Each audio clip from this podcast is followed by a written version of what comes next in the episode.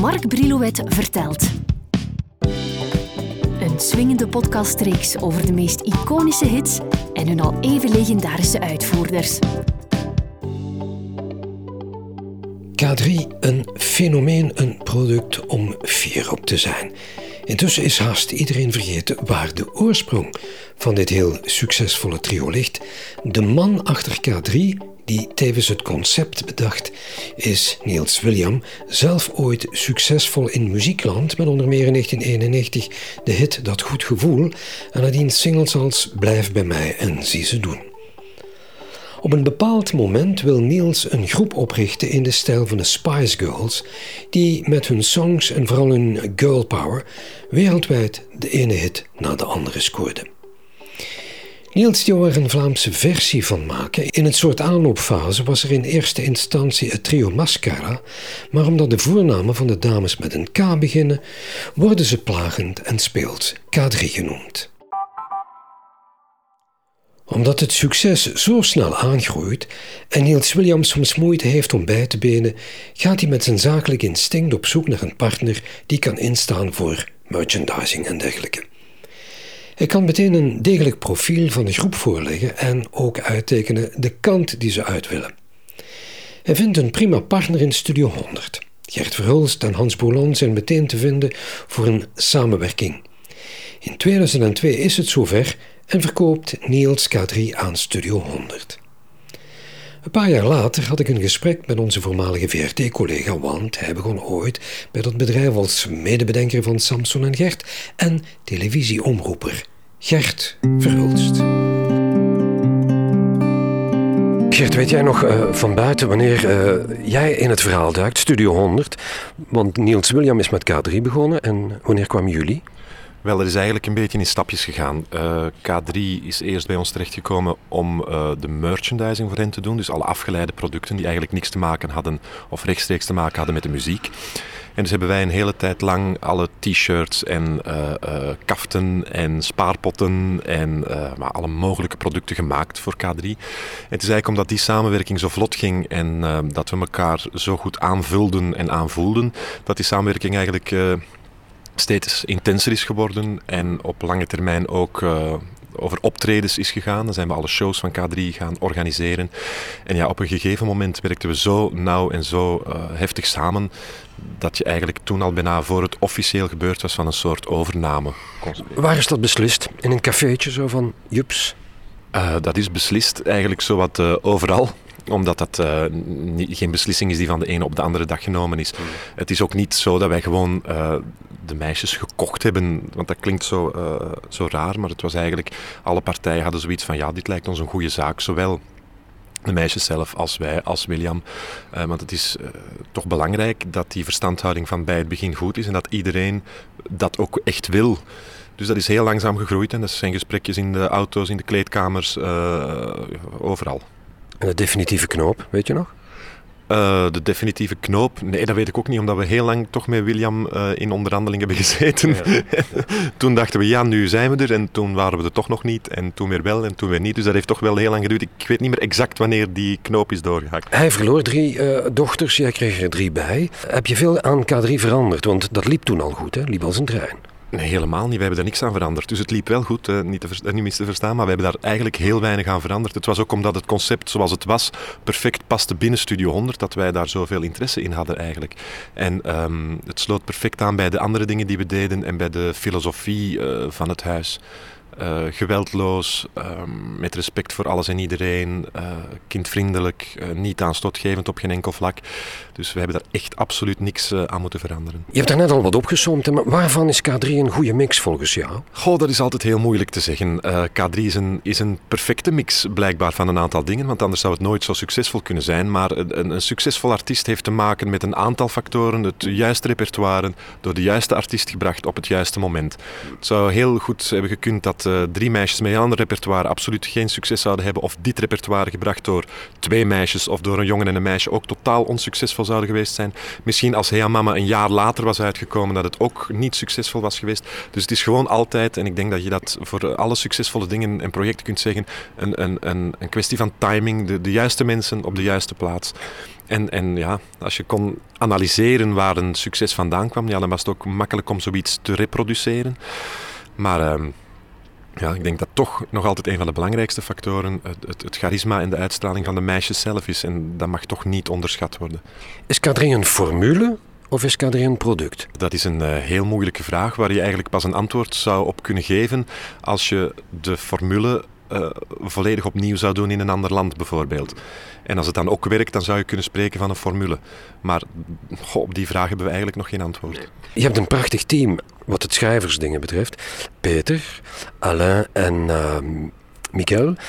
Zou je daar in dat trio zomaar iemand kunnen veranderen? Ik zeg niet dat het moet, maar zou dat lukken? En bleef het dan nog hetzelfde? Ik denk het niet. Ik denk dat iedereen daar uh, zijn, zijn specifieke rol in heeft.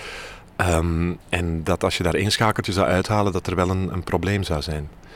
En als je dat nou eens deed met K3, Christel eruit bijvoorbeeld en iemand zomaar in de plaats? Wel, dat zijn allemaal vragen waar je eigenlijk geen antwoord op kunt geven. Maar je moet er toch eens over gedacht hebben. Stel, uh, stel dat met hen eens iets gebeurt.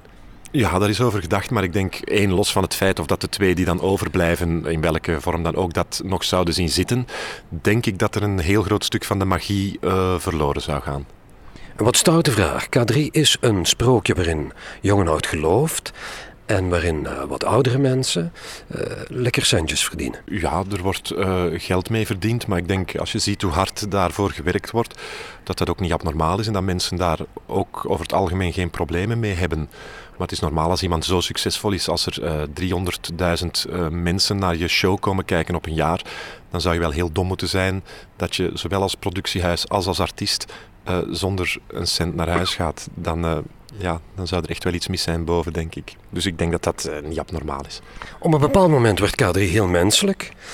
er werden sommige mama. Hiërarchie, personeel, een beetje verliefd en van die dingen. Alsof er sommigen klaarstonden van, joeps, daar gaan ze. Maar ze gingen niet. Ze bleven. ja, als je zo ja, populair bent en als je vooral ook zo eerlijk bent... Um, dan denk ik dat het publiek heel veel dingen uh, aanvaardt. En er zijn geen abnormale dingen gebeurd. Ik bedoel, iemand uh, die op een bepaalde leeftijd komt en zwanger wordt, ja, dat is uh, toch denk ik de normaalste zaak van de wereld. Mensen die verliefd worden, de normaalste zaak van de wereld. En ik denk dat het zojuist een beetje menselijker heeft gemaakt en uh, dat dat door heel veel mensen geapprecieerd werd. Want op den duur werd het een beetje zodanig, um, ja, hoe moet ik zeggen, uh, fake. Dat, dat ze, ja, het beeld dat ze in regenboogland op een roze wolk in een, in een huis met uh, roze bloemetjes woonden, ja, dat is toch iets wat heel ver van de realiteit staat. En ik denk dat mensen op een gegeven moment blij waren dat, dat het echt drie meisjes van vlees en bloed bleken te zijn. Ja, ik wou net zeggen, ze werden sterker. Ik vind dat ze daar absoluut sterker uh, zijn uitgekomen. Hoe lossen jullie problemen op? Ik bedoel niet van die kleine akkefietjes, maar hoe kijk je daarop toe als er echte moeilijkheden zijn? Als je iets merkt zo van... Ja, ik moet echt zeggen dat er echte moeilijkheden nog eigenlijk nooit zijn geweest. Maar uh, tja, als, er, uh, als er problemen zijn of er zijn knopen die moeten worden doorgehakt, dan is het toch altijd een soort democratisch gegeven waarbij de meerderheid uh, beslist en de minderheid zich daar meestal vrij snel en begrijpend bij neerlegt. Over die musicals even, waarom ben je daarmee begonnen? Goh, ja, wij, zijn eigenlijk als productiehuis begonnen alleen met Samson en Gert. We hebben daar een hele know-how in opgebouwd, zowel in shows als in uh, platen maken, als in merchandising voeren. het was gewoon de bedoeling om als bedrijf een bepaalde stabiliteit te krijgen, dat we uh, ook nog andere activiteiten zouden ontplooien, waarbij we die know-how die we hadden opgebouwd ook konden gebruiken. En musicals was daar één ding van, waarbij we ook onafhankelijk zouden kunnen zijn van de populariteit van bepaalde vedetten. En zo zijn die musicals eigenlijk ontstaan. Was dat een noodzakelijk kwaad? Was dat een gat invullen of wat was dat? Was Vlaanderen plots rijp voor musicals? Ja, dat viel ook samen met het, het begin van de musical in Vlaanderen. Uh, ik bedoel dan populaire musical, want uh, Linda Lapom en zo waren al jaren daarmee bezig. Maar toch voor een beperkt publiek. Dus ja, het viel samen met de doorbraak van musical in Vlaanderen. Maar het was voor ons ook vooral om een stabiliteit in het bedrijf te creëren. Onze activiteiten een beetje te ontplooien. En bon, na een aantal jaren bleken dan een sprookje te zijn waar K3 dan perfect in paste. En ja, dat, dat zorgde natuurlijk voor, voor vuurwerk. De musicals zijn geen etalage van de hits van de dames. Jullie houden dat gescheiden. Jon van den Ede schrijft. Ik hoorde wel van Miguel dat hij soms zijn hulp inroept om het K3-tintje zo'n beetje er Wel, het is zo dat de nummers bijvoorbeeld uh, Toveren en de Drie Biggetjes eigenlijk door uh, Johan uh, muzikaal geschreven zijn. Maar in de versies zoals op de K3-CD staan door Miguel en Peter geproduced. Waardoor je dan wel die typische K3-klank krijgt. En je kunt het vergelijken hoe dat dan zou zijn als die K3-klank er niet zou inzitten met de nummers zoals op de musical-CD staan. Die dan iets klassieker en iets softer eigenlijk zijn. En, en een minder agressieve K3-beat hebben. De films, scoren die? Uh, de films scoren uh, eigenlijk heel goed. Um, het enige... Is het dankzij de bioscoop zelf of de DVD-markt? Uh, het is vooral dankzij de, de DVD-markt, omdat we zijn in Vlaanderen en in Nederland met heel weinig mensen. Dus um, een, een, een, behoorlijk aantal toeschouwers krijgen voor een film is niet evident. Als je het puur zakelijk bekijkt, is, is het de DVD-release een heel belangrijk gegeven. Wat is het verschil tussen een musical here on stage filmen en die verkopen, of een aparte film maken? Oh, het is een heel ander verhaal. Hè. Uh, de captatie van een musical duurt twee dagen, de opname van een film duurt uh, twintig dagen. Uh, het heeft eigenlijk weinig met elkaar te maken. Wat doe je het liefst? Uh, ikzelf. Uh, nou nee, bedoel, waar schrijf je het liefst aan of wat, wat produceer je het liefst? Uh, musical is wel iets waar je uh, in die zin meer waardering aan van krijgt, omdat je elke keer als die zaal vol zit en je ziet die 2000 mensen op het einde recht, recht veren en een staande ovatie geven, ja, dan geeft dat meer voldoening rechtstreeks dan bijvoorbeeld mensen die naar een bioscoop gaan, omdat dat toch iets ja, een rustiger publiek is of mensen applaudisseren ook niet na een film. Hè. Dat is toch een heel ander gegeven. Kan je misschien eens proberen? We kunnen het proberen. Na een première applaudisseren ze meestal wel. Dus, eh. Wie gaat beslissen wanneer het ophoudt? Want een verhaal houdt ooit op. Hè? Het zou kunnen ophouden als een van de drie zegt uh, ik hou ermee op. Want dan blijven er maar twee over. En dan uh, denk ik dat we best stoppen. En het zou kunnen ophouden als het publiek op een gegeven moment zegt we hebben het helemaal gehad. We kopen geen platen meer of we komen niet meer naar optredens. En dan is het als artiest, vooral als je zo succesvol bent geweest, ook niet meer leuk denk ik om nog uh, voor te doen. Het zou een beetje zielig zijn. Maar voor de rest... Uh, ik zie dat niet onmiddellijk gebeuren, dus uh, ik weet het niet. Dat zijn volgens mij de enige twee hmm. mogelijkheden die er zijn. Behalve tijdens een orgasme stop je op een hoogtepunt. Misschien moet het hoogtepunt nog komen, wie weet. nee, kijk je daar nog uit? Denk je dat? Ik weet het niet. Ik, ik, blijf met heel veel verbazing kijken naar wat er gebeurt met K3. Uh, ik weet dat zal aan de meisjes vragen na het eerste succesvolle jaar en hoe lang gaat het nog duren. K3 of Deutsch? Uh, zou kunnen. Er zijn heel veel Duitsers natuurlijk, dus dat is een heel interessante markt. Maar uh, dan moet ook iedereen het zien zitten. En je begint daar niet zomaar aan. Um, dan weet je dat je voor drie, vier jaar heel intens uh, werken in Duitsland vertrokken bent. En ik weet niet of die zin er bij iedereen nog is. Heb je ooit stiekem die nummers in het Engels uitgetest? nee, ik niet. Nee. Zij? Misschien wel. Ja, we hebben ze wel gehoord in de Zuid-Afrikaanse versie, denk ik. Ja, die waren in het Engels. Gert, jouw beurt is, is om, tenzij je nog iets wilde zeggen, natuurlijk, iets wil toevoegen. Ja, ik zou nog graag een plaatje aanvragen van de... Van K3 dan. nee, heb je een favoriete nummer? Daar kunnen we mee eindigen. Mijn favoriete K3-nummer is uh, denk ik uh, Kumahe. Waarom? Ja, omdat ik dat een schoollieke vind. Maar dat is geen antwoord. Ja, absoluut wel. Zet je het stiekem op in de, in, thuis of zo? Oh, ik luister graag naar de muziek van K3. Um, ehm, en um, ik, ja, ik vind dat een geweldig nummer, heel mooi.